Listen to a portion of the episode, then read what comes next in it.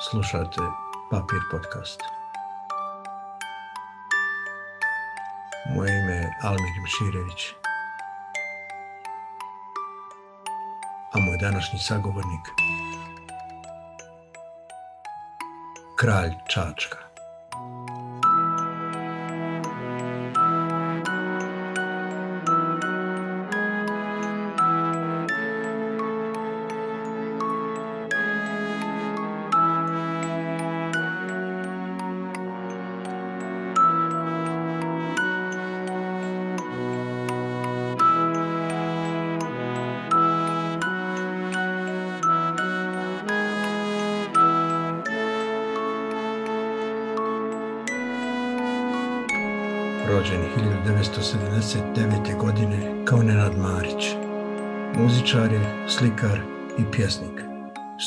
Beogradu, objavio albume Zemlja snova i Spusti svetlost na put. Objavio knjigu pjesama na margini.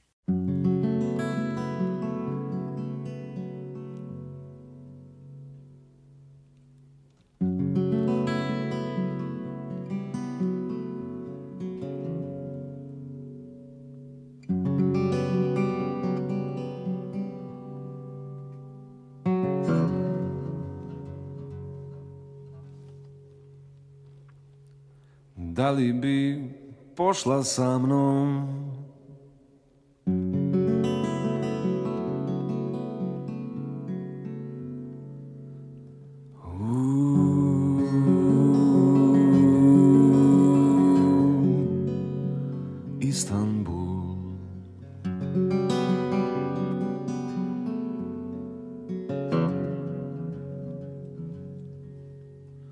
Da li bi pošla sa mnom? Kakva je situacija po pitanju ovog vremena u kojem živimo, ovog pandemija, kako, je, kako, je, kako ti ocenjuješ šta se dešava i kako se nosiš s tim? Iskreno, ja sam se skroz izolovao, tako da slabo pratim. Na ulici onako, osjeća se zabrinutost, ona polako ona raste, ona je bila i od starta, sad je možda još i veća, ili ne znam, drži neku onako liniju, onako nekako ljudi su izbunjeni, uz tu zabrinutost ide izbunjenost neka, ne znam šta bih rekao, vrlo čudna situacija, ovo je onako vrlo suludo je, meni lično, ja to ono, u, sve ove romane, distopije, ovo se idealno uklapa, iako je ovo možda bi bio neki najlošiji scenario koji je mogao biti pisan za ovako nešto, mislim, što se dešava. Ovo, tako da, iskreno, uh, čovek jedino je tu, mislim, ja šta radim, onako kao izađem, šetam, uh, nebo, drveće, ako ga ima, trava, lica, ljudi, sad ne možeš da vidiš lice, dobro vidiš ga, ali maske su i tako dalje. Tako da nekim malim stvarima, ako neke male stvari mogu da pomognu da čovek sačuva zdrav razum. Ali ovaj, vrlo je, vrlo je, kako kažem, nezgodno, ali ne znam, valjda zbog, šta znam, mislim da, mi, da, da, je, da dosta pomaže to kad se čovek odseče iz medija, mislim, kad umereno prati ili ne prati uopšte, kao što je moj slučaj, ja stvarno ništa ne pratim i to je možda malo i, malo i, kako da kažem, možda malo to nije ni dobro, jel, s obzirom na to šta radim i tako dalje, a s jedne strane, ali s druge strane, matrice koje sam uvideo i dok sam pratio nisu se nimalo promenile u odnosu na kada sad bacim pogled na to šta se dešava ponekad na vesti ili šta ja znam. Samo je grđa stvar u pitanju i loš, lo, agresivnija, manipulativnija i tako dalje, ali u suštini problematika ostaje ista. Tako da eto, to je malo što se tiče iz mog ugla i malo eto koliko sam mogao da predstavim kako u Beogradu. Eto, to je to. Mislim, sad je trenutno ovde već ne radi ništa kafići, to je već par dana ovaj, take su mere da, je malo, da su malo cifre skočile. Vidim da je i rat a, vaksera i antivaksera isto jedan absurdan, absurdna stvar. Ne znam šta bih rekao, potpuno onako jedna, jedna, jedna suluda situacija, ono, liči na pakao, mislim kad bi, da su neki opisi pakla bi mogli da se onako kao u Danteovom možda nije, nije baš deveti krug, ali tu je neki od krugova bi mogao da bude predstavljen ovom slikom kad se izađe napolje. Ali eto, spašavaju ta, te, te lepe stvari prirodne, drveće, priroda, neki dobri ljudi i neki sadržaj sa smislom. Kako popunjavaš ti to vrijeme? Mislim, drago mi je da čujem da nisi ipak pesimista. E, ja sam se uplašio, pošto ovo traje jako dugo. Mogu priznati da sam prije par mjeseci bio sa puno više snage. Šta Nenad radi u svoja četiri zida? Mislim da to, da taj deo praćenja e, vesti je mnogo bitan e, za neki taj mikrosvet i optimizam lični koji ti primećuješ. Ja nisam iskreno optimističan kad je čovečanstvo u pitanju trenutno i kuda ide i gde vodi i kakve su ideje savremenog čoveka uz tehnologiju i sve to što ide. Tu sam vrlo pesimističan i da dodam na to i mentalitet jel, Balkana celog u kome pripadamo. Vrlo sam pesimističan, ali to je odavno već ona priča videli smo da ne možemo ništa promeniti, jel, možemo samo menjati u svojim mikrosvetovima i sad u tom mikrosvetu nekako se ponekad osjećam ili možda se i češće tako osjećam kao da sam onako pa neću kažem pao s Marsa, ali kao da sam se izdvojio potpuno od te realnosti. Ta realnost ide mimo mene, ja tu ne mogu ništa da učinim, sem da se nadam da ta neka energija, jel, nekog rada na sebi i neke, nekog istraživanja i nekog pokušaja stvaranja možda može da nešto reši u etru, ono nevidljivo što, što ovaj, pokušavamo da izbacimo iz nas i da možda nekom nekad pomogne, možda iskomunicira s nekim i tako dalje.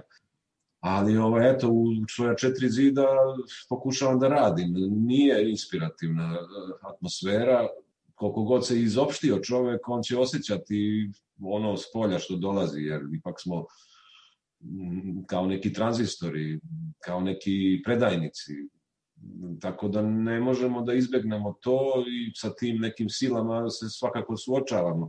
Meni iskreno cela ova situacija od kada je krenula korona nije bio nešto plodan period, nešto sam pisao, radio, svirao i tako dalje, i dalje to radim, ovaj, pripremam jednu novu zbirku poezije, trebalo je da uđemo u studio da snimimo treći album, to smo odlagali zbog ovih mera i zbog svega.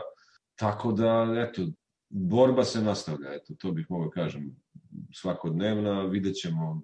Najgore je što se ništa ne može planirati onako, pa da bude sigurno, a plus, plus ovaj, u sve to, evo, neizvesnost kada će početi nastupi, živim, ja od toga živim od živih svirki jel, nastupa, tako da sam sad malo i u toj krizi, ali ovo, evo, zakazali smo neke koncerte u maju, u aprilu, u julu, ali uopšte ne mislim da će od toga išta biti, jer čujem priče neke da je ovo će još sigurno do oktobra, do septembra, oktobra trajati, možda čak i godinu dana. Kad ste imali zadnju svirku, koja je bila?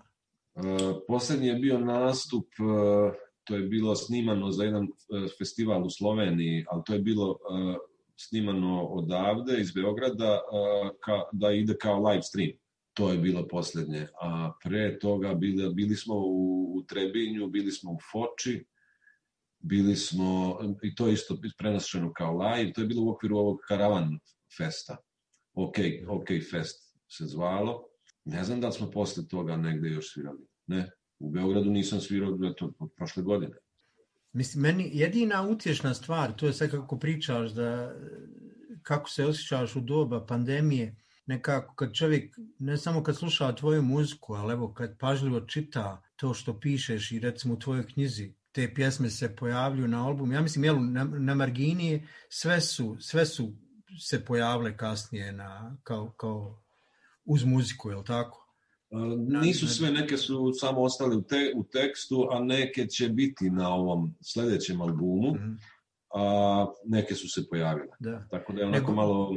Nego mislim, čisto ono čime se baviš, tam, koje su teme, u, u, u, o čemu pjevaš i kako pjevaš, nekako ja sam te i doživio, a tako velda jako puno ljudi koji se bave iskreno umjetnošću se i osjeća da ne pripadaju ne samo ovim državama i ovim prostorima, nego svugdje se osjećaju istovremeno da nisu iz tog prostora, a pritom ono, pripadaju cijelom svijetu. Ja sad kad pažljivo, kad sam ponovo čitao tvoju knjigu, tamo je toliko puta spomenut prostor, neka zemlja, znaš, ne samo zemlja snova koje maštaš, nego toliko puta si ti spomenuo to nepripadanje, da, da sad ja ljudima ne prepričavam tvoju poeziju. Tako da mi ovo što se dešava u, pa, u pandemiji kao pa i nije novo, jel? Ti si svijet doživljavao pod pandemijom i kad, kad pandemije nije bilo.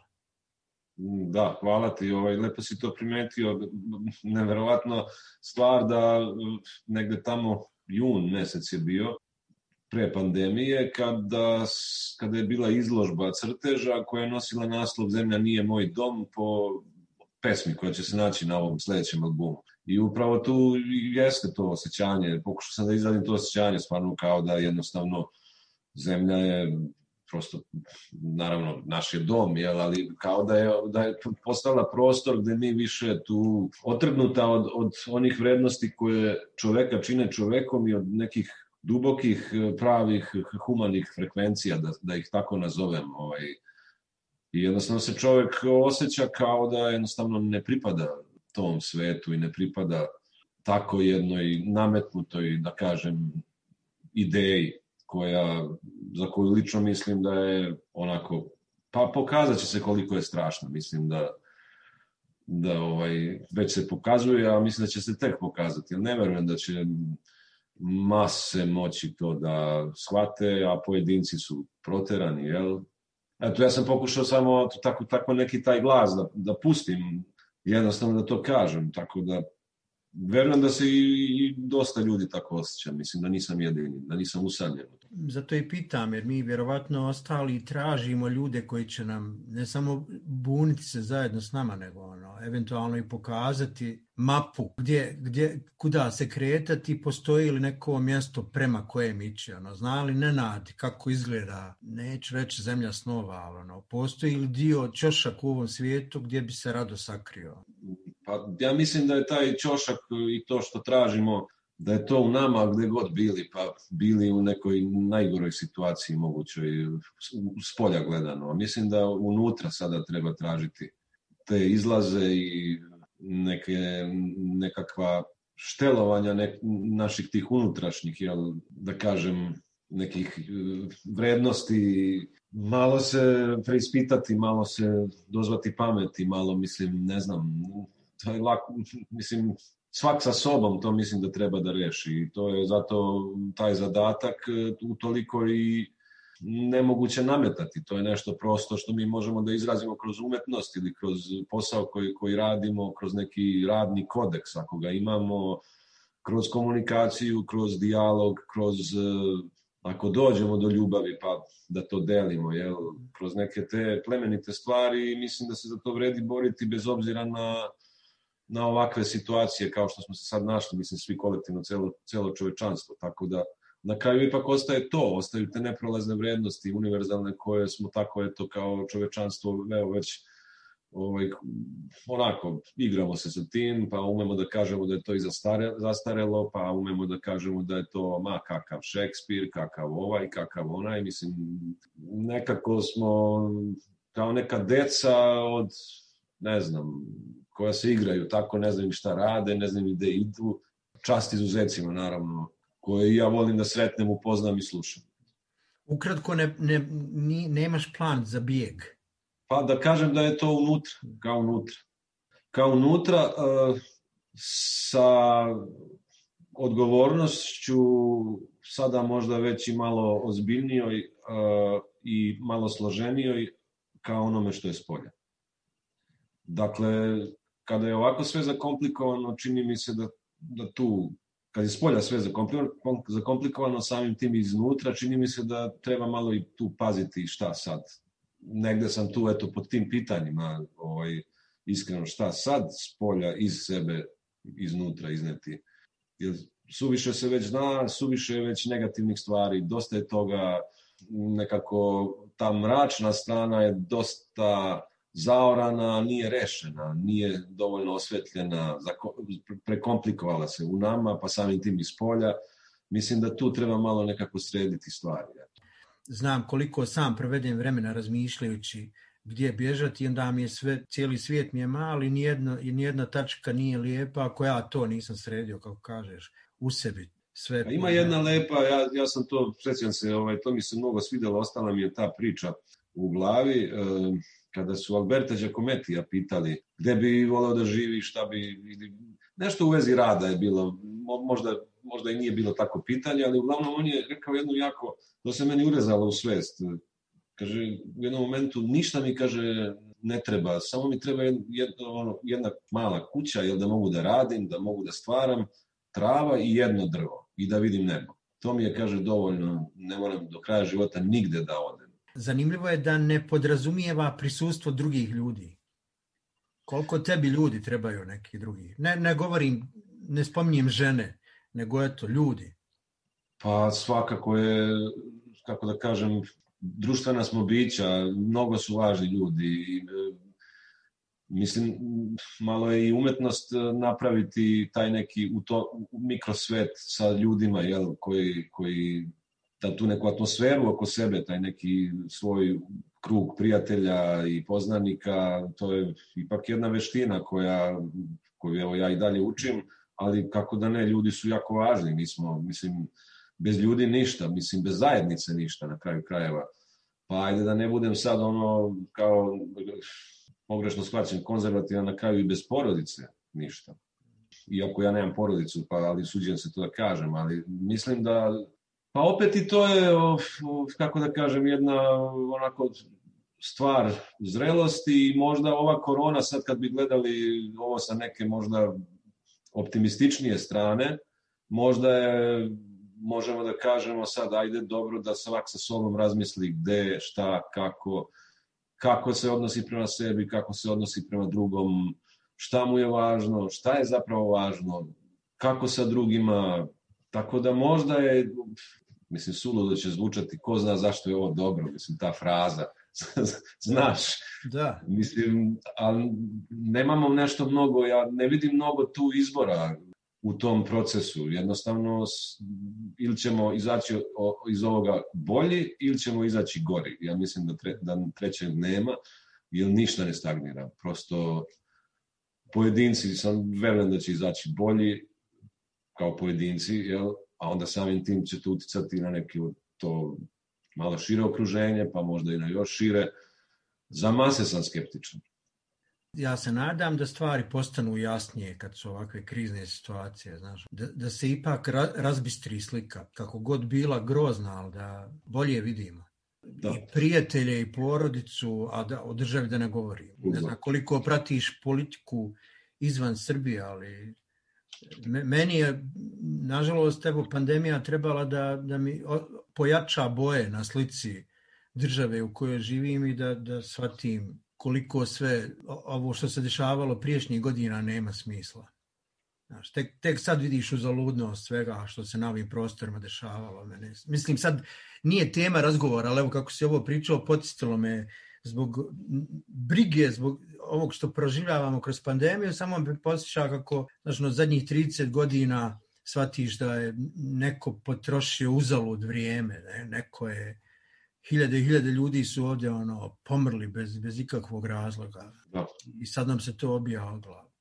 Zato je meni drago kad se pojave, mislim sad to može zvučati patetično, ali ona, evo, da, da, da, da se vratim na tu priču, utješno kad se pojave ljudi poput tebe. Ja znam kako sam, nisam ti to spominjao, ja sam prvi put se susreo sa tvojim likom gledajući emisiju 24 minuta kod Kesića prije koliko, 3-4 godine kad je to bilo.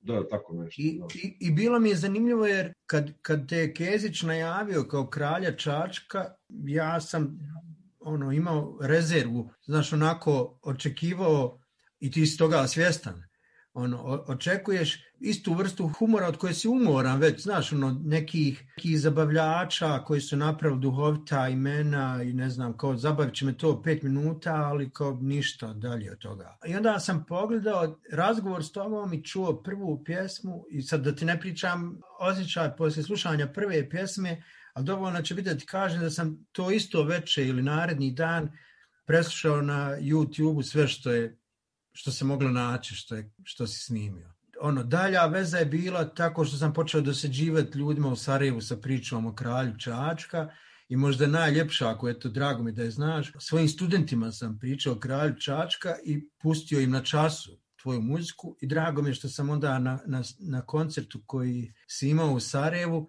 vidio i te studente. Nažalost, i meni je krivo što nismo posle opet došli u Sarajevo. Ovaj, sve to zavisi od organizatora i od poziva, jel, prosto ja sam tu, pa ko, ko, ko želi jel, da pozove, da dođemo da nastupamo, mi dođemo i sviramo, ako se dogovorimo, ako postoje uslovi, da kažem za to. Ali ovaj, čini mi se da smo i Banja Luci isto svirali, ne znam sad ovaj, gde smo još svirali. Znam trebalo da, je da u Mostaru ste bili, to znam. Jeste, Mostar je bio, trebalo je u Zenicu da idemo, ali e, ne znam šta je bilo, ne setim, to je bilo pre dve godine možda. I to je trebalo da se desi. Tako da to je toliko za sad. Da nije bilo korone, ja mislim da bismo, da bismo i došli, da, da nije bilo toga, da bi se to malo, da bi, da bi nas više zvali, prosto jer to se sporo širi jer jednostavno muzika kojom se bavim i sve to, i ti sam znaš, rock and roll i cela ta scena, ona jednostavno infrastrukturalno nije podržana ni od jedne od država na Balkanu u onoj meri da jel, da nas povezuje, da jel, možemo da imamo prostor medijski gde to možemo da ozbiljno razmenjujemo i tako dalje. Nego je sve tako, nekako stihijski, to je nešto već na što ja ne mogu da utičem, a mislim, prosto je tako. Jednostavno, to je tragedija što je politika tu, ta prepreka i, i, i, i zid koji eto, jednostavno ne, do, ne dozvoljava da kultura može da se razvija u svojim svim pravcima i bojama koje, koje, koje, koje nosi sa sobom. Tako da tu da, smo malo je, i žrtve. Nama je postao problem par kilometara prijeći, sad me to, kad spominješ politiku, potisilo prije par godina ste imali svirku u Užicu na, u sklopu festivala na pola puta. I ja sam htio da dođem i kako nisam vozač, kako nemam vozačku dozvolu, za mene je to bilo nemoguće preći tih par stotina kilometara ono, od Sarajeva do Užica, a veze direktne nemamo, kao da su u pitanju ono, Novi Zeland, ne znam koja država. Tako, stalno nam se to pokazuje kako kako neki koji nas vode ne rade kako treba, a meni je žao što mi nasjedamo na tu priču, što ne radimo više da popravimo sve te stvari. Ali evo, meni je ovo pokušaj, znaš, ja bih volio da, ja mislim da ti sli, ljudi slični tebi zaslužuju da, da se o njima mnogo više priča, da se mi ne žalimo kako mediji ne pružaju prostor, to je jasno. To je sad ostalo je na pojedincima i na entuzijastima sve, tako? Da. Dakle, koliko smo entuzijastični i koliko imamo potrebu to da širimo i da sa isto slično mišljenicima delimo, ovaj, i sa neisto mišljenicima nije bitno, ali ovaj, sve se svelo na to. Zapravo, dok se sa tog mainstream eh, razglasa deli zabava, jeli, naravno čovek će pre da hleba i igara, zabavu prihvati, nego neke sadržaje koje su, mislim, tako malo da kažem, ovaj, za koje, za koje je potrebno neko vreme i neka, ne, ne, neko posvećenje i udubljivanje i tako dalje. Tako da je tu glavni problem, ali slažem se sa tobom, da, to što radimo što možemo, i ovo jeste isto jedan od načina da iako je on mikro, možda no, ovaj, zove, energetski deluje i na makro. Ja sećam taj koncept koji spominjem, ne znam kako si ga ti doživio, možda to nisu bili najbolji uslovi možda zvuk nije bio kako ste vi zaslužili i sve ostalo što ti bolje znaš. Znam da si jako često to spominjao u svojim intervjuima i ono, kad opisuješ prostore koji vama gode kao bendu. Ja znam da sam ja sanjao da vas slušam recimo u prostoru kakav je ti, ti ne znaš to, to pozorište Sarajevsko, ali recimo kamerni teatar u Sarajevu. Ja znam da mi je ta scena bila kao ja bi volio kralja Čačka slušati u tom prostoru to je sa, sa manje ljudi nego što je bilo na onom koncertu, ali postavljam da ovih, ne znam, 150 i 200 ljudi koji bi to čuli, onda bi izašli najsretniji jer su slušali bend baš onako kako treba da ga čuju. Kako ti doživljavaš onda tu prezentaciju, ono, kako gledaš, biraš prostor u kojem se predstavljate? Ako mogu da biram, da. Svakako ovoj muzici takvi prostori su nekako najprikladniji. Drugačije se i svira u takvim prostorima. Tišina je drugačija, to je neverovatno. A tišina je mnogo važna za muziku. Tako da tu se nešto, neka posebna magija desi. Kad god, gde god smo svirali u takvim ambijentima, pozorišnim ili ovaj, koncertnim malim salama, ovaj, je bilo stvarno magično uvek. Potpuno drugačije moramo da sviramo kad su otvoreni prostori, kada su festivali i tako dalje. Drugačiji izbor pesama, drugačiji sve, sve se menja, ali prosto i to je neko iskustvo koje sad zahteva da od nas da uključimo neke druge senzore, jel? Tako da je, nisam, kako da kažem, lično preferiram više možda ove kazališne prostore, pozorišne, ovaj, ali ovaj, zbog baš te, te tišine koja se desi. Jer ta tišina je nešto što, što gde se, od, od, od, od koje se uči, od koje, iz koje izlazi muzika i nekako komunikacija u tišini je nekako bude značajnija. Mada ne mogu opet da tvrdim, opet kažem, to su sad iskustva su razna, ali uglavnom nekako bude uvek magično. Eto. I Naravno, i važno, je, važno je, lijepo je kad je čovjek osjeti i masu koju ima ispred sebe ili u kojoj je, naravno, to je jasno. Ali ovo ja sad govorim i kao neko ko voli to što ti radiš i iz razloga što voli slušati pažljivo u smislu da u, u tvojoj muzici jako bitan segment je tvoj, tvoja poezija. Znači, jako je bit, bitan tekst. I onda ja sam neko, ne samo zbog svojih godina, neko ko voli i razumjeti i čuti to što neko sa scene izgovara. Pa da, prostor, razlučenje, tonac, to su sve elementi koji sad onako kao u tom tehničkom smislu treba da pomognu da ta poezija izađe do, dođe do izražaja.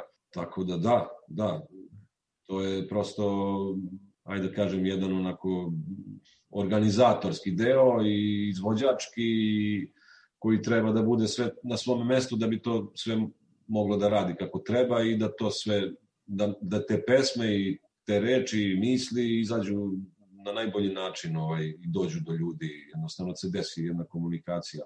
Jeste malo teško ovde, nema mnogo, ne može mnogo da se bira, mislim ja bar nisam u situaciji, tako da vrlo često se dešavalo i da prihvatamo da sviramo i ovde i onde i jednostavno toga živimo i onda gledaš da izvučeš najbolje prosto iz datih e, uslova u kojima si se našao. Mislim, prvo najidealnije recimo uvek, uvek bude, uvek kad nas zovu, pitamo je li ima klavir, jel? da li postoji klavir. Ako postoji klavir, to je onda potpuno druga priča nego klavijatura, recimo. A sviramo i sa klavijaturom. Mislim, ne mora to da bude neke razlike, ali obično u tako nekim intimnim prostorima klavir je idealan za ovo što radimo. Tako da, eto, to su neke tehničke stvari koje prosto mora, moraš da praviš kompromis da bi bolje ići svirati, jel, nego biti onako sad kao, aha, neću tu, jel, zbog toga i toga, loša sala, zvuk nije nešto i šta ja znam.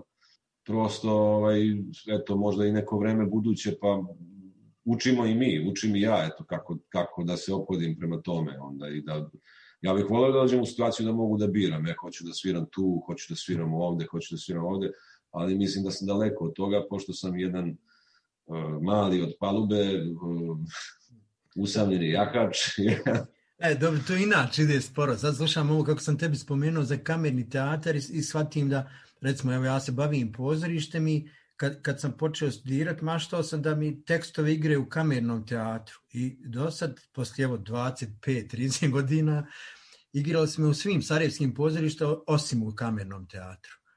Tako mhm. da, znači nisam ni, ni tamo uspio. Onaj. Radio sam neke tuđe tekstove, ali moje koje sam sanjao da, su, da se igre u tom prostoru kamernom, nikad, još nisam uspio. Tako da, na sličan način doživljavam kao, kako slušam i muziku, tako slušam i tekstove. Zato sam tebe htio pitati, obično te novinari pitaju o muzičkim uticajima I moram tre... ja kako nisam muzičar, meni je taj dio najdosadniji, znaš, ovo kao, pretpostavljam i tebi, pretpostavljam da ovi koji traže vezu pa ti kažu kako se prepozna ucaj Tom Veca, ono, otkrivaju toplu vodu. Meni je to, kao, mislim, znaš, kao Tom Vec je ucao na sve nas. To, znaš, kao reći, volimo Beatlesa i Stonese, potpuno podrazumijeva se.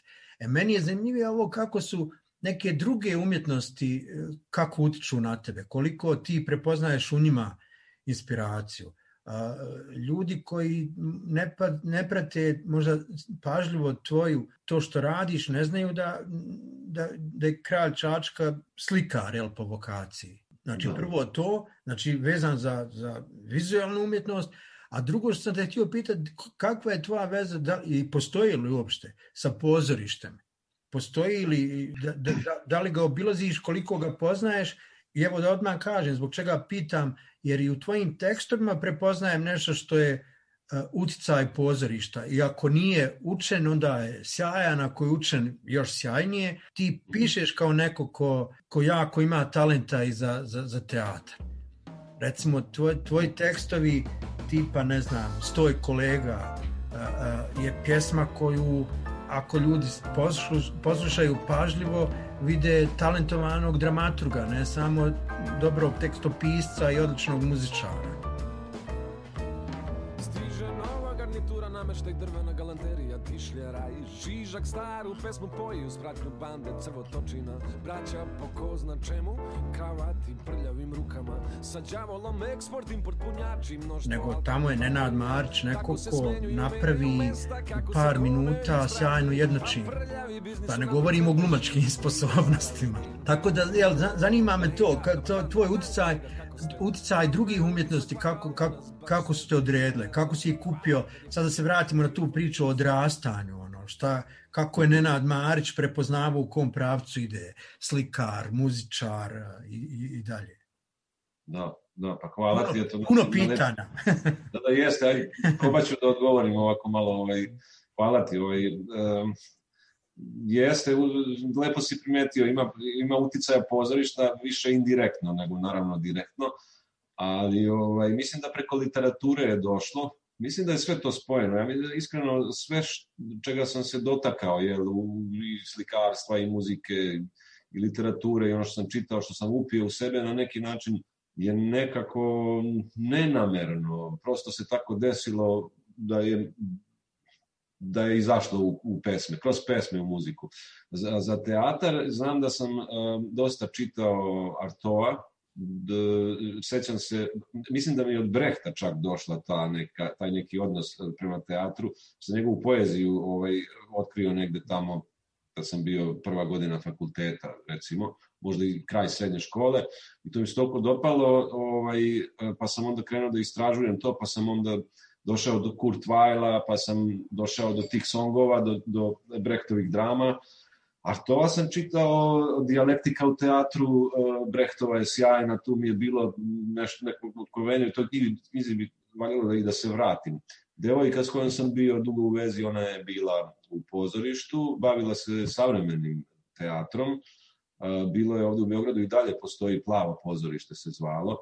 Onda bio sam na par nekoliko predstava čeških, jednog češkog teatra, uh, oni su dolazili u Centar za kulturnu dekontaminaciju u Beogradu, su sjajne predstave bile, dosta predstava sam odgledao i ovako preko YouTube-a, što je moglo da se nađe, bile su neke vežbe, ovih, ja sam sad zaboravio imena čuvenih tih uh, režisera češke škole, uh, sad ne mogu da se setim, ali meni to sve izgledalo jako interesantno i mislim da je na neki indirektan način uticalo na, i na to što radim. To je negde što, se, što sad mogu da se setim, ima verovatno još dosta toga, ovaj, ali eto, e, sama scena kao scena je već, e, kako da kažem, jedno polje i koje pokušavam kroz muziku jel, da, da, da, da na neki način približim pozorištu, jel, da, to, da to i bude E sad, naravno, već to pesma sama po sebi radi, već to radi i muzika, Tako da ne znam, eto vidjet ćemo da će dalje to da, da, da ode. Radio,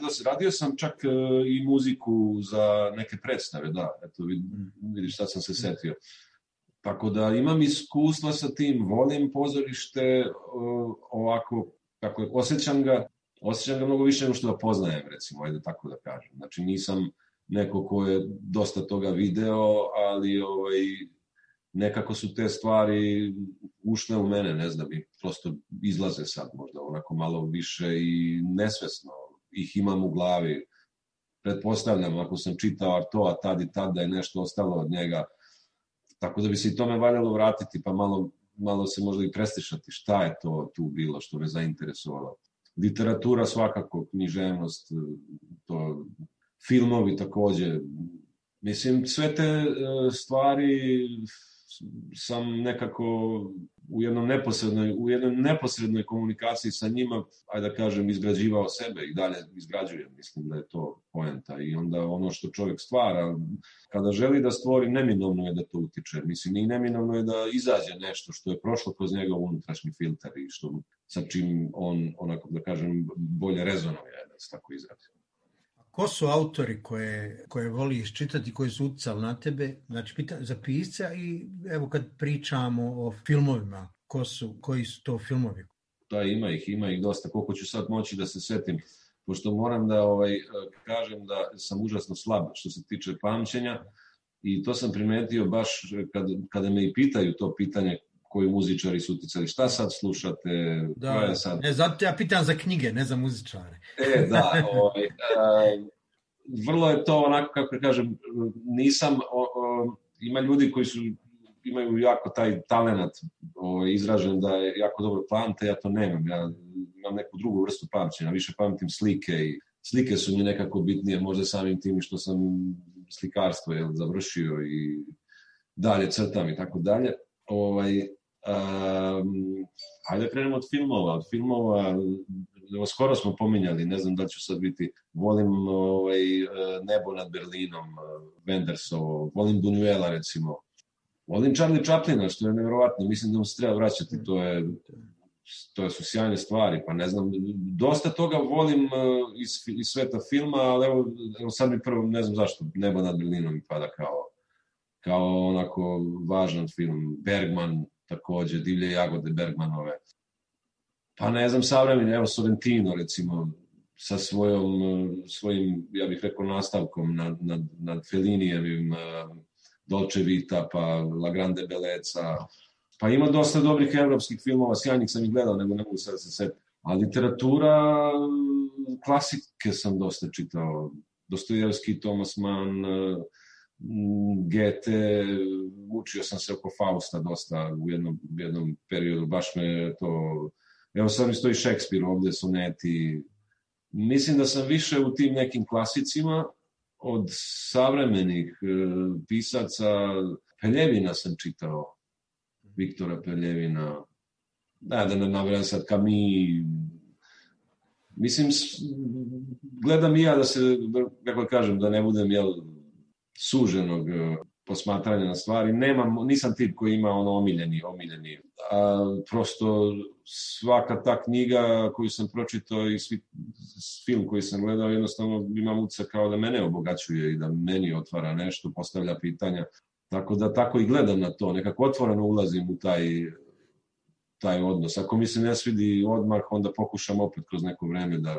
A, a šta izabereš recimo kad ono, želiš da se odvojiš od ovog ovakvog svijeta, da se odmoriš, pa pogledaš nešto što nikad ne bi u intervju spomenuo kao znaš, kao gledam i to. A to sam siguran da to svi radi. Tipa, najblesavije serije koje pogledamo je onako, možda nekad... I, je to je interesantno, da. Sad sam u nekoj fazi gde dugo nisam već gledao neš, nekakve serije i filmove. Nekako sam, jer sam imao jednu fazu pre toga da, kako zovu ovi klinci, kažu, binđuje. Da, da. da binđuješ. I ne znam šta mi se desilo, samo sam primetio da uh, ne mogu, uh, primetio sam zapravo vrlo jak uticaj slika uh, od, kada gledam film ili seriju. I da mi treba neko vreme da se odvojim, da, da dođem, jel, opet da se vratim, da, da, da sažvaćem te slike koje sam upio kroz film, tu radnju i sve to. I onda sam malo zakočio i evo već nekoliko meseci ništa nisam, mislim da je posljednji film koji sam gledao da se zvao Beach Bum, Bum Mislim da je to bilo nešto poslednje, jer tad nisam ništa.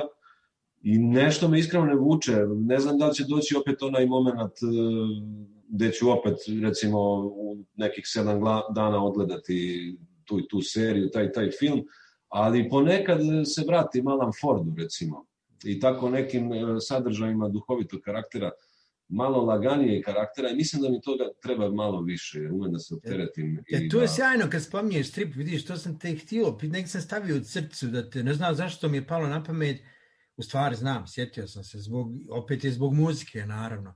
Radio si i muziku za film koji ima veze sa strip Cactus da. Kid. A, da. a, a, a, evo ti ćeš reći o tom filmu da ljudi čuju nešto više, a, a mene je zanimalo to upravo što spomenuo, postoji li veza sa stripom, ono, koje, koliko njega čitaš, koliko ga voliš.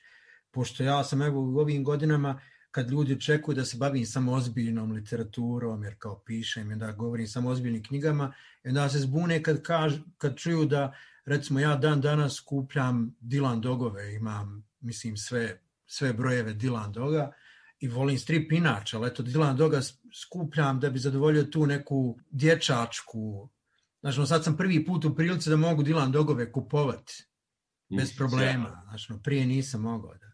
Pa ono, kako, ko, znači ti voliš Alan Forda, postoje li još neka veza sa strip E pa da, nisam je nažalost razvijao jer e, prosto studirao sam pa onda se teško živjelo pa ovo pa ono pa razni problemi i tako dalje, a ovaj da se sad ne pravdam, jel? Ali dosta sam čitao strip u srednjoj školi baš dosta. A, Dylan Doga, da, dosta sam voleo.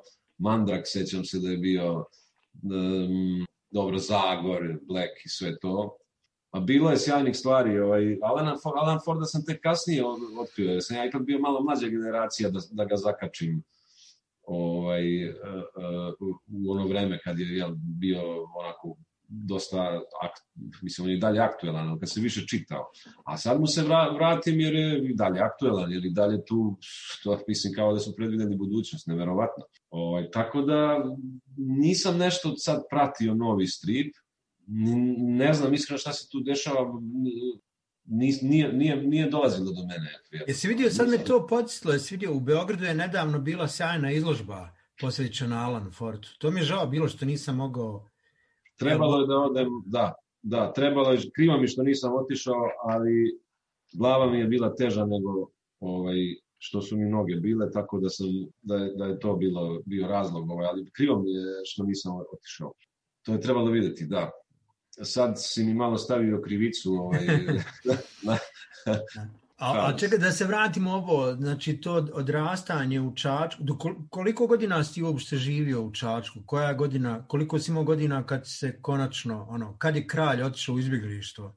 On je emigrirao 98. znači ja sam imao tad od 19 godina. Sa 19. 18-19 godina. Kako, kako je tih 19 godina u Čačku izgledalo? Ono, kad je, kako je Nenad odlučio na koju će stranu? Ono, muzika, slikarstvo? Muzika je bila primarna, ona je od malih nogu bila prosto uz mene. Otac je svirao gitaru, slušalo se, se ploče kući, tako da dosta se sviralo. Ja sam imao i neke bendove u, u, u, ovaj, u srednjoj školi, osnovnoj. Tako da je muzika uglavnom bila tu, a crtanje i slikarstvo je došlo posle kada je se postavilo pitanje šta ćemo sad posle srednje škole, gimnazije, jel, sad nešto se mora upisati i ovaj i a već sam crtao onako da kažem onako u, neke, u, nekoj, u nekim tim časovima introspekcije sam sa sobom kući, jel? Tako da je se i to razvijalo i da sam krenuo na pripreme, na pripreme za akademiju i ovaj, pao sam prvu godinu i nisam,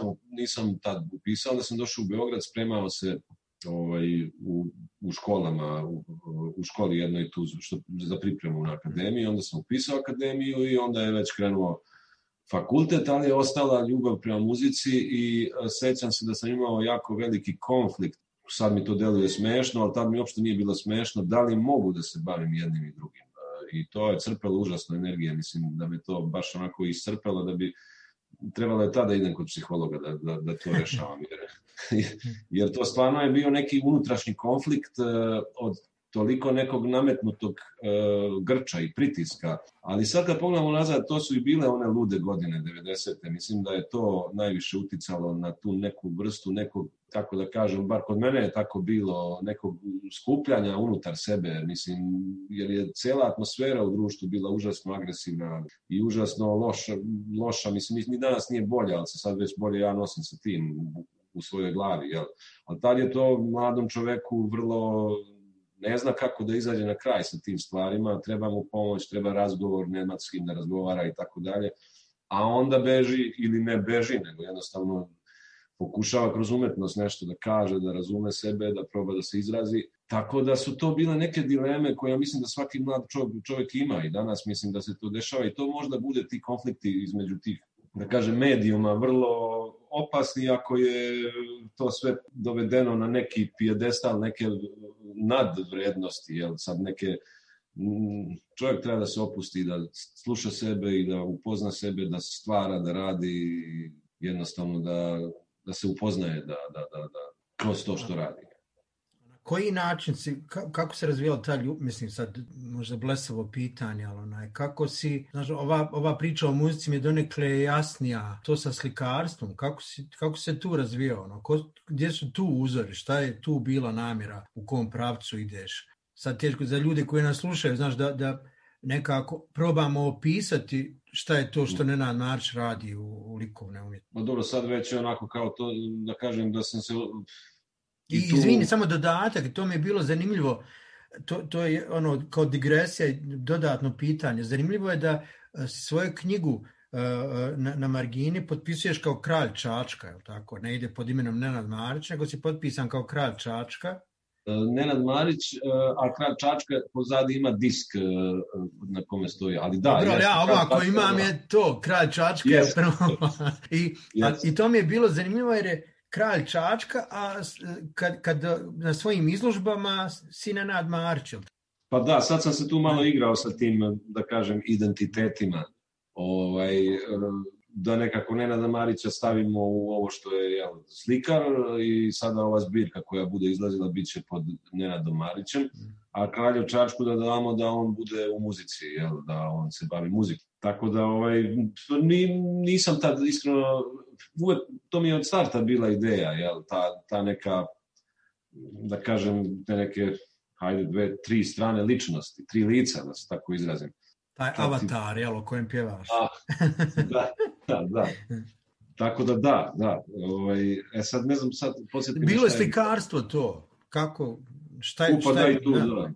Da, tu je isto svašta uticalo i dosta toga volim od, od, od slikarstva, a ovo što radim, te crteže jel, u poslednje vreme, to su, hajde da kažem, nekakav uticaj medijale, uticaj, da kažem, te neke škole, jel, ajde ne samo i medijale, nego i možda ajde, klasičnog nekog crteža, jel, koji je onako negde onako malo pomalo fantastičan, pomalo, kako da kažem, mislim, i tu je ista stvar kao i sa, jel, muzikom i, i ovim pesmama, gde isto sve ono što smo videli, što sam video kroz školovanje, jel, ne, ne može da ne utiče prosto, to je tako. E sad, naravno, ja crtam više ovako da održim neku formu i u pauzama nekim i to me onako i odmara i meditativno mi je i imam taj neki odnos prema tome onako kao kad odmaram od muzike, ovo mi je ipak muzika nešto što je primarno. Sad volio bih malo da uđem i u sliku, ali za sad sam i dalje u crtežu da se držim se tog nekog malog formata i to je crtež, tuš i pero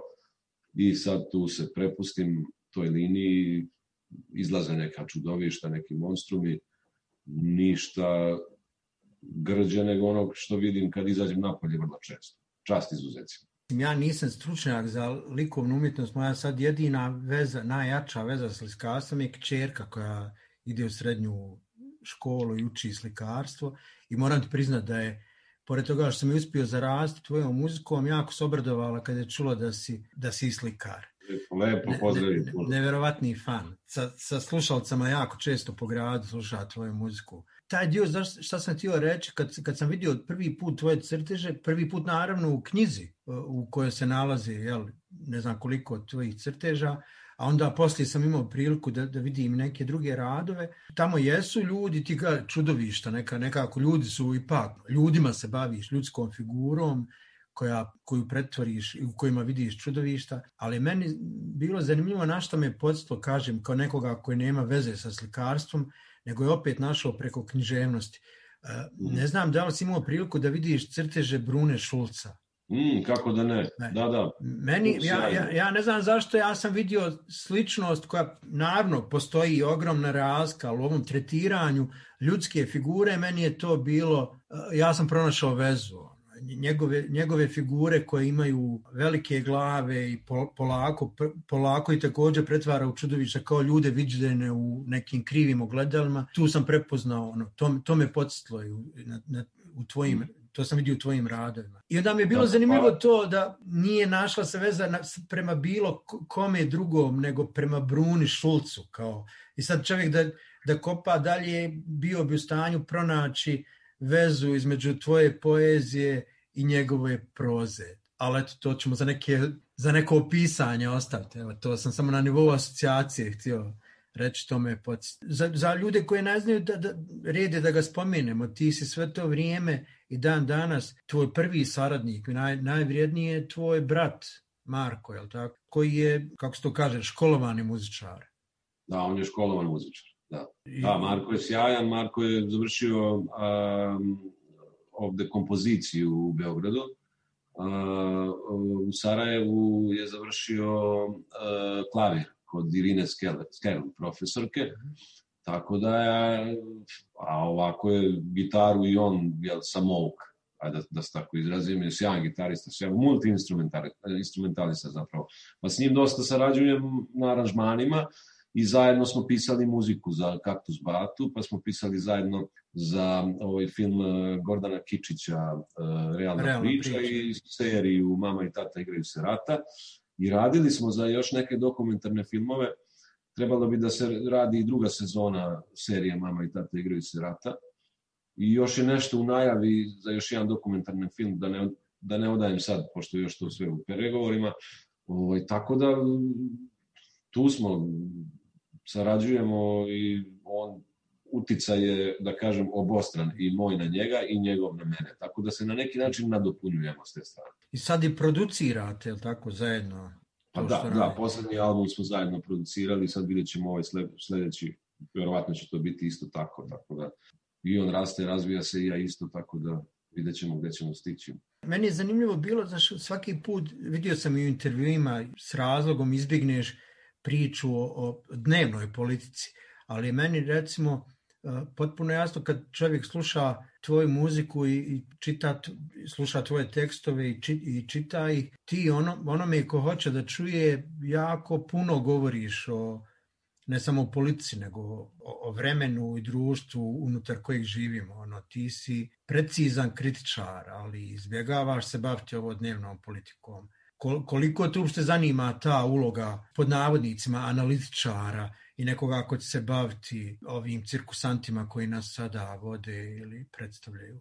Pa nije mi to u, u, u centru istraživanja i pažnja iskreno, zato izbegavam o tome da pričam jer to ja vidim kao jedan mulj ogroman koji čoveka lako usisa u sebe i čovek se tu izgubi, zaprlja, isprlja, jednostavno više to posmatram kao neke energije i principe prosto, jer sve to u ljudima, da se tako izrazim, i te manipulacije koje, kojima se koriste jel, u dnevnoj politici sa svih strana mediji, pogotovo sve to kao neki transfer, prenose i igraju se sa tim ozbiljnim stvarima.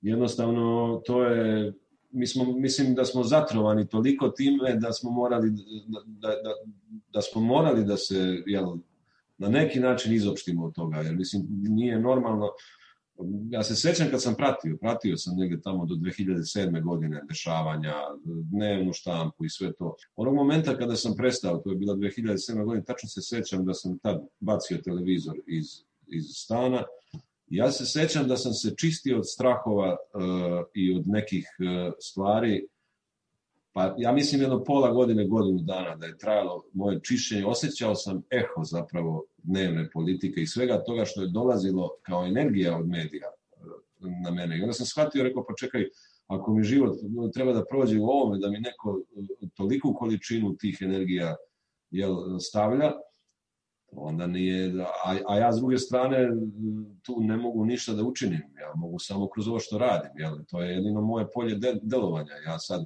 Mogao bih možda da podignem, podignem sebi rating e, i da napravim neki skandal time što ću da izjavim nešto šokantno, jel, što će da, ali šta dobijam time na duže staze, ne za sebe, nego uopšte šta se dobija time kao u društvu, šta bi se dobilo? Ništa, jer je problem te dnevne politike, problem politike uopšte, a to je jednostavno kako okrenemo i obrnemo problem mentaliteta i, i to me zanima. Zanima me mentalitet, zapravo ljudska priroda iz koje mislim da kreće zapravo ceo problem konkretno u našim slučajima na Balkanu, to je e, mentalitet balkanskih naroda, tako da sam tu više fokusiran na neku, onako, ajde da kažem, laičko istraživanje psihologije i sociologije, tako da se izrazim.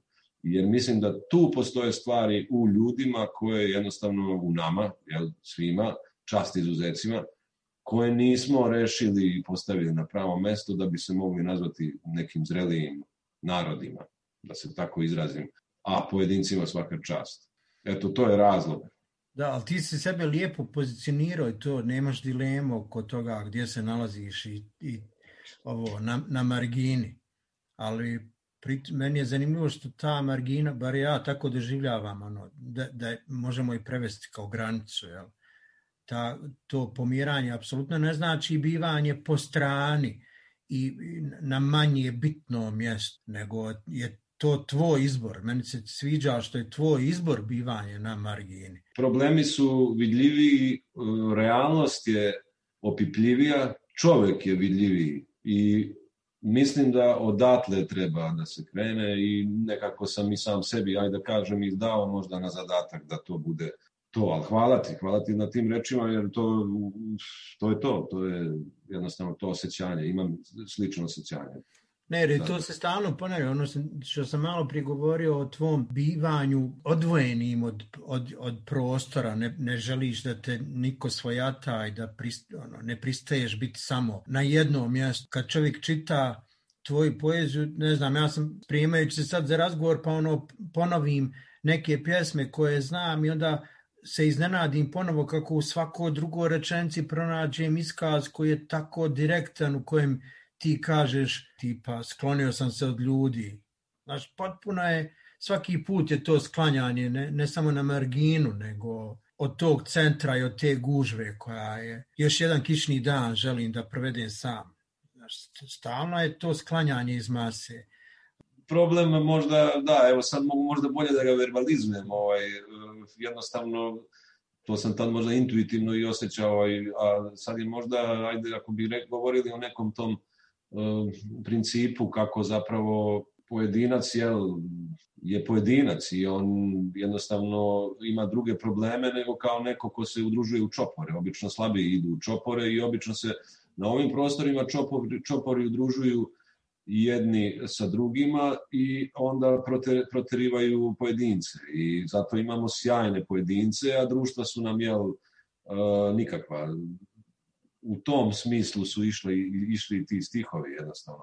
I, mislim, bilo koji posao da čovjek radi, da, da ga u čoporu neće dobro raditi, ovo sam sad mi je došla ova misla na pamet, ako želi iskreno to da radi, ako je iskren prema sebi zapravo nama treba sve više i više pojedinaca. Treba osloboditi pojedinca, kako neko reče, na ovim prostorima. Treba osloboditi čoveka zapravo. Jer čovek stvarno je jedno čudo koje može toliko toga da da dobrog, da nije ni svestan. Mislim da smo upali u zamku jel, tog nekog te destruktivnosti preko dnevne politike, kako malo, malo čas ovaj, rekao smo i preko onoga što nam se servira, preko medija i tako dalje. Ne moram da gledam televizor da bih video da je to tako prosto ne moram, dovoljno sam gledao 20 nešto godina, tako da matrica se ponavlja, vesti su iste, samo što su još morbidnije, agresivnije i tako dalje. Ali suština je zapravo ista. Je li svojim pjesmama pokazuješ, da li osjećaš svojevrsnu nostalgiju, neću je nazvati jugo nostalgijom, to, to nam neki zamjeraju kod da je ozbiljna bolest, ja je ne doživljavam tako, nego je prosto ocjena da, da je, ne, da je neko vrijeme da smo imali pravo da budemo sretni. Znaš, ja, ja to doživljam kao neko ko je, ko, koga sada tjeraju da se stidi što imao sretno djetinstvo. U državi koja se zvala tako kako se zvala. Ja, ja, ja naprosto ne prihvatam da me neko osuđuje zbog toga. I to mi je drago kod tebe, kažem, nisam prepoznavao nikakvu jugo nostalgiju, ali sam prepoznavao kako se pre, divno prepuštaš tom osjećaju iz djetinstva. Evo, konkretno, tvoj album Zemlja snova i to naslanjanje na, na, na, na muziku i taj, kako, ga, kako bi ga nazvao, fon koji se pokupio iz crtanog iz filma, iz tog osjećaja koje pokupi dijete, mi je bio jako blizak. A bio je onaj jedan crtani film koji da, se da, zvao Dreamland, da, to je Bata i Seka koji se vraćaju kući gladni, oni skupljaju nekakva drva, dolaze kod majke, nema oca, jel? E, oni sedaju da ovaj, večeraju, ali majka nema ništa da im ponudi sem neku stvrdnutu koru hleba i mleko i oni to pojedu, ali ležu u krevet gladni. Majka plače zašto su oni gladni, oni ležu u krevet gladni i onda kreću da sanjaju i odlaze u zemlju snova.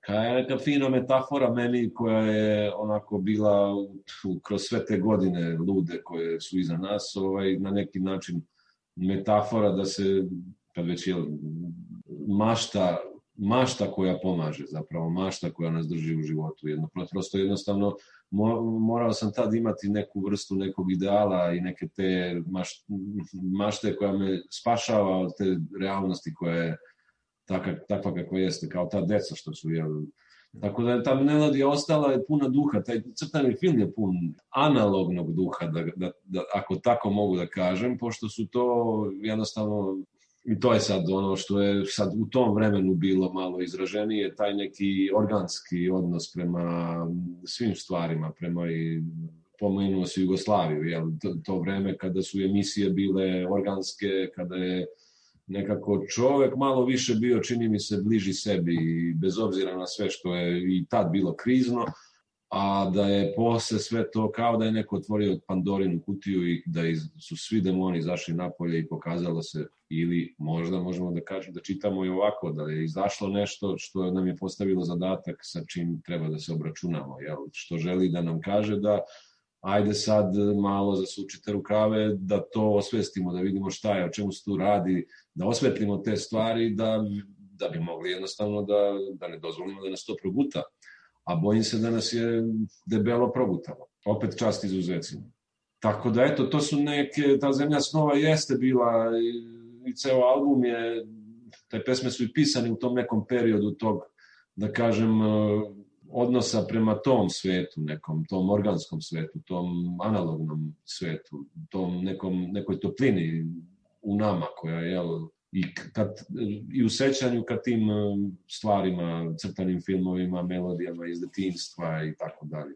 Meni je to bilo divno i kad sam čuo prvi put pjesmu, ali onda je spot vaš koji sam pogledao, ne znam ko je reditelj spota. Ko je... E, reditelj je Đorđe Marković, on je uh, reditelj koji, za, za čiji smo film radili muziku, mm. povratak, posljednji povratak Kaktus Bate mislim, jako jednostavan, ali sjajno urađen, ima sve ove elemente koje na lijep način ubaci asocijacije gdje ne, ne pređe granicu i meni je, meni je pomogao da probudi ove, ova sjećanja koja, koja spominjem. A na, na, na jako jednostavan, mislim, sad se čini jednostavnim, to mogu ljudi koji dobro promisle kako to radi ali tamo su neke sitnice to učinile, znaš, i, i pored tvoje muzike i teksta, ono, detalji koji se pojave u tom spotu u, okvi, u okvire ovu sliku kako treba. Ja znam da sam prvi put, kad sam vidio tamo, ne znam, Eiffelov toranj, onu, i sjetim se poslije ko zna koliko godina da je to Eiffelov toranj koji smo mi imali po kućama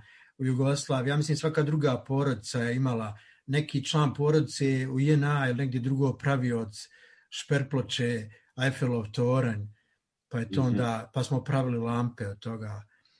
Isti takav sam imao u svojoj sobi u kojoj sam odrastao. Pa eto i to je bila jedna veza i to prepoznavanje sa muzikom i sad, a sve to pričam jer sad, blesava stvar koja se desila, prepričavam ti nešto što nažalost nije postalo teksta, ali bilo sačuvano kao skica. Jednom davno sam počeo pisati tekst o tebi nije mojom krivicom nezavršeno, nego krivicom ovih koji su naručili to. Pa sad prepričavam dio koji je meni bio važan kad sam pokušavao opisati kako ja doživljavam kralja Čačka, onda sam se sjetio jednog drugog crtanog filma, kojeg ne znam da li ga se ti, pa, da li ga se sjećaš, neki ono sta, starije generacije znaju dobro, to je crtani koji je imao onu poznatu melodiju, Djeco Ivica se zove. Djeco Ivica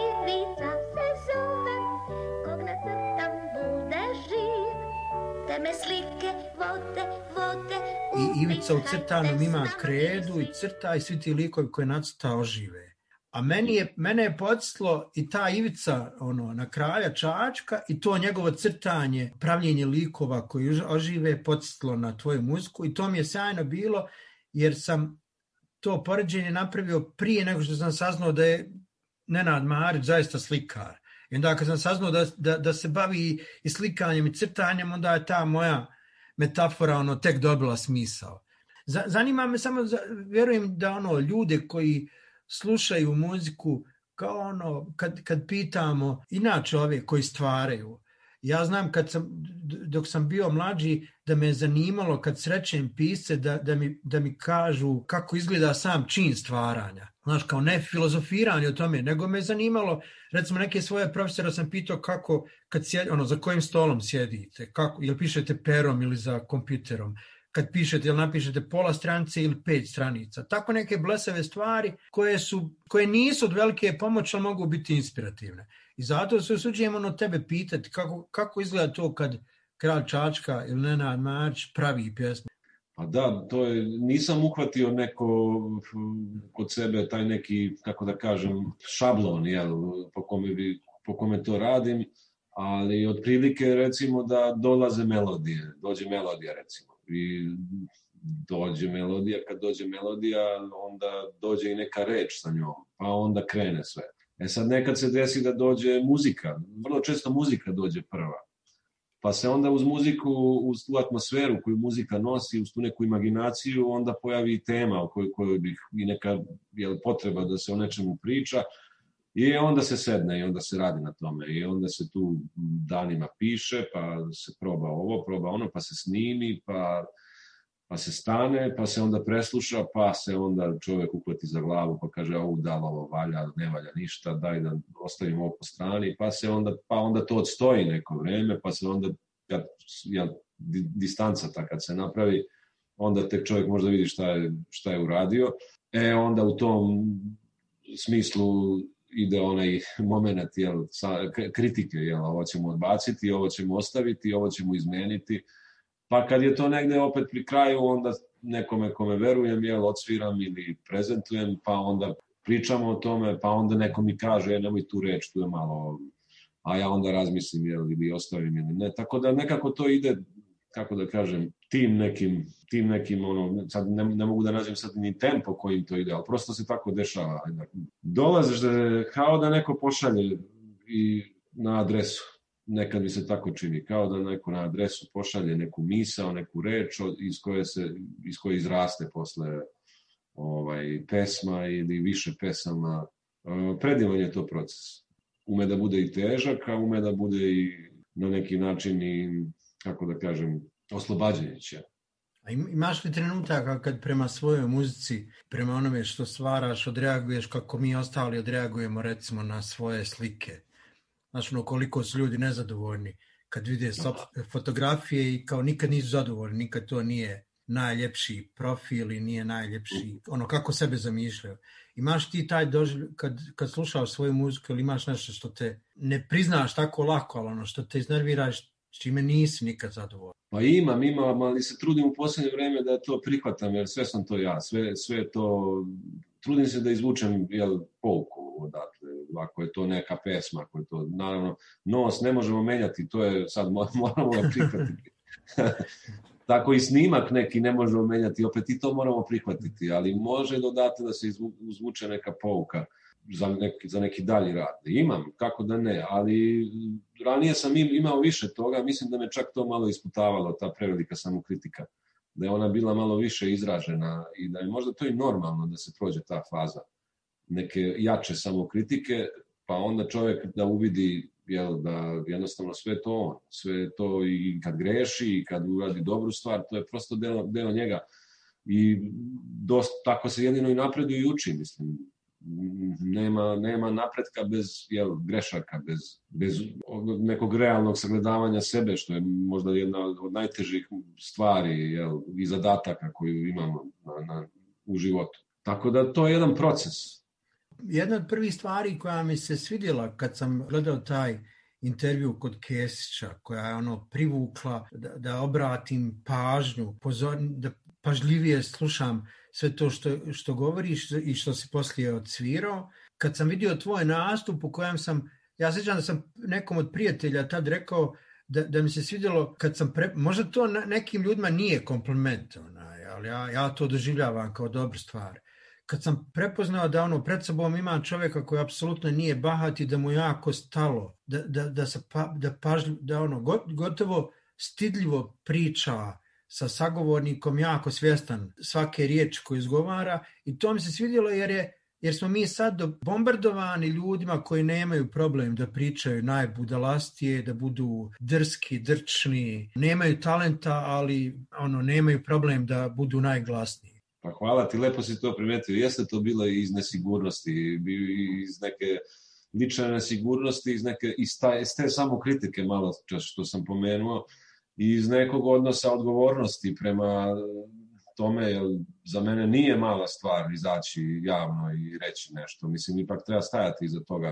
I nije lako izboriti se sa tim, ako je u pitanju kompleksnost kakvu sam nosio tad, jel, i nekih možda nerešenih pitanja u glavi koje su mi bila. A onda i neki možda i kompleksi, ko će ga znati. Mislim, svega toga ima. Mislim, sve je to prosto deo procesa ali ovaj da i, i između ostalog jeste i malo i vaspitanje dosta prosto porodice sam u kojoj jel postoji postoje zadržale su se neki odnosi kodeksi te sam to poneo odatle i nekako osvešćivao polako kroz vreme.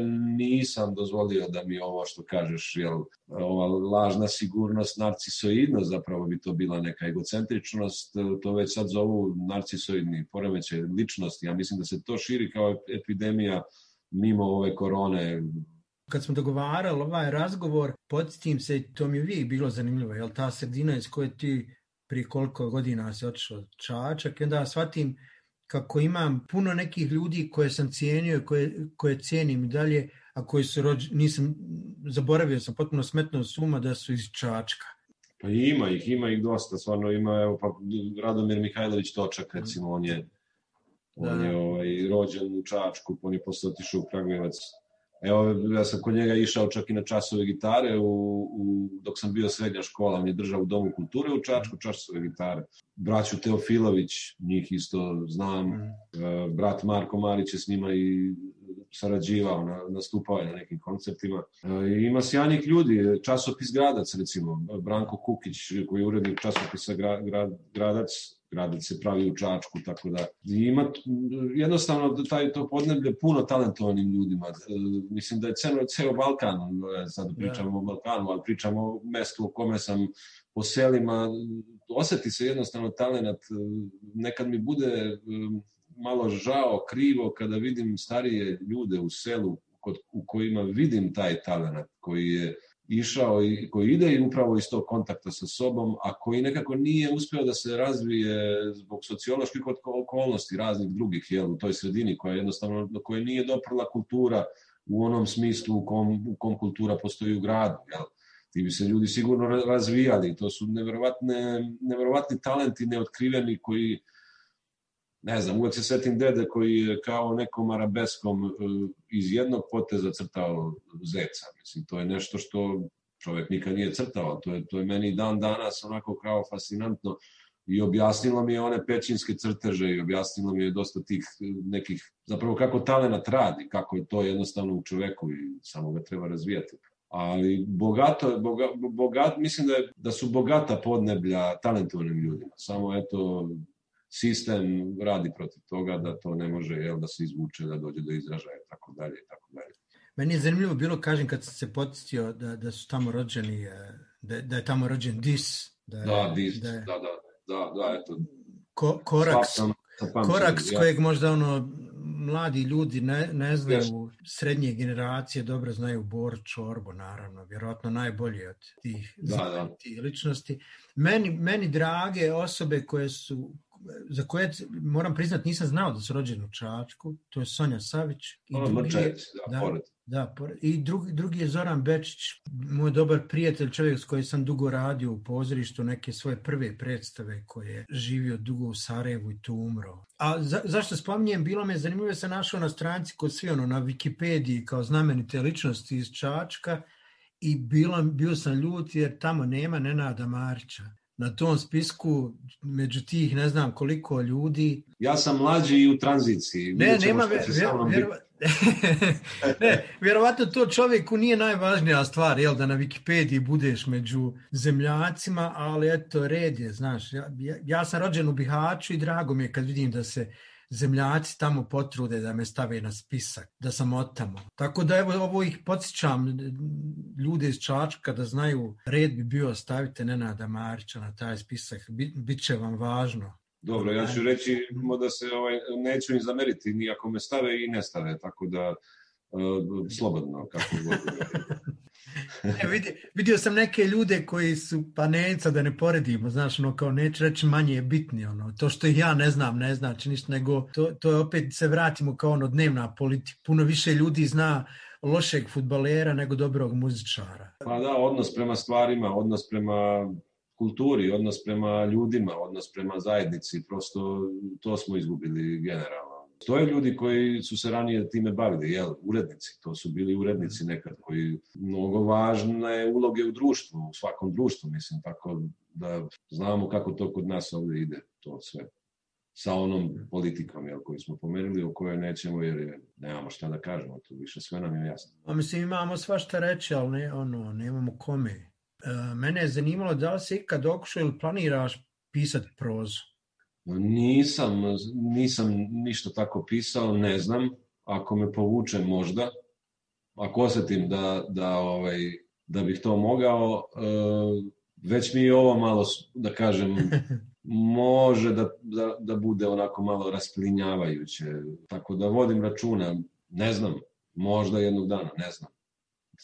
Do sad nisam imao taj poriv. Imao sam ono kao ideju, ideju wow, vidi, ovo bi bilo dobro napisati i zabeležiti kao u, u roman određeni neki događaj i tako dalje, ali sam odmah zatim rekao, a to bi trebalo da uradi neko ko je talentovan za to. Mislim, zato ipak treba onako jedna posvećenost i vreme i mislim, sve ove stvari traže posvećenost, tako da kad bi dan trajao 48 sati, možda bi možda bi, i možda bih i mogao i to, ali mislim to je malo nerealno. Jedino da ustanem sat vremena ranije, kao što je ono jedan kaže dan traje 25 sati, a ovi ga pitaju kako 25 sati, za ne, za, ne, kaže ja radim 25 sati, a ovi ga pitaju kako ti radiš 25 sati kada dan traje 24 sata, a on kaže jeste, ali ja ustanem sat vremena ranije.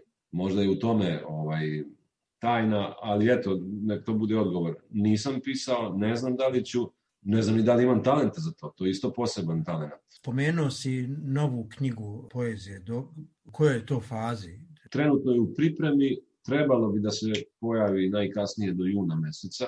Sada trenutno ovaj, to prosto ure, uređujemo druga ruka, već se radi, ja to malo menjam uz pomoć urednice, jel? Ovaj, Ko, bi ko da je izađe- izdavač? E, izdavačka kuća Liberland, mlada je izdavačka kuća.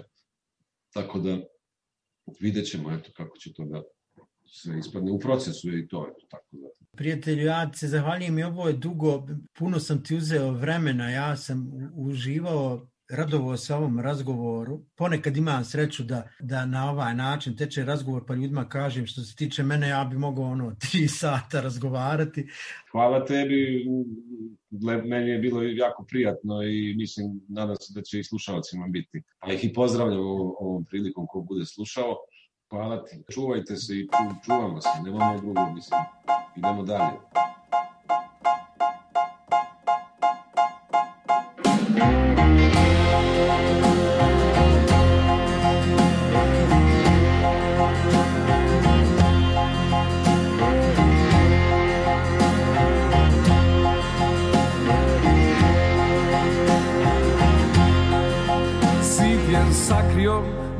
Siva lica Teški za oprost, metak i ekser.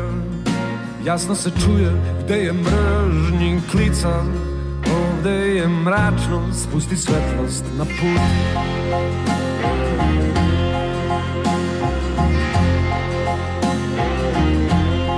Dan je sagoreo i ulice su puste. Disao sam smrad sa mirisom parfema Sada stojim pred vratima šume. Ovde je mračno, spusti svetlost na put. Rekli su na kolena i pustit ćemo da preživiš. Stavi lance, veseli se i pleši. Tvoje usne su napisale beži Ovde je mračno, spusti svetlost na put. I od tebe daleko, a kao da si tu. Pisma misli šalješ s drugog kraja šume. U njima piše da čekat ćeš i više. Ovde je mračno, spusti svetlost na put. Ovde je mračno, spusti svetlost na put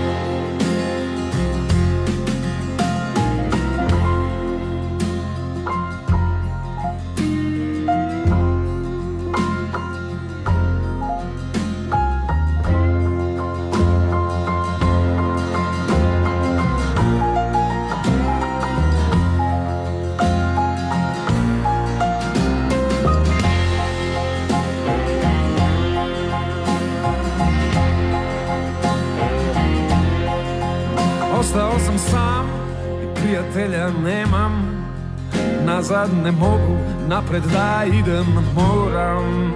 Daj mi snage da izdržim do početka. Ovde je mračno, spusti svetlost na put. Ne mogu da ćutim i sve ću da ti kažem.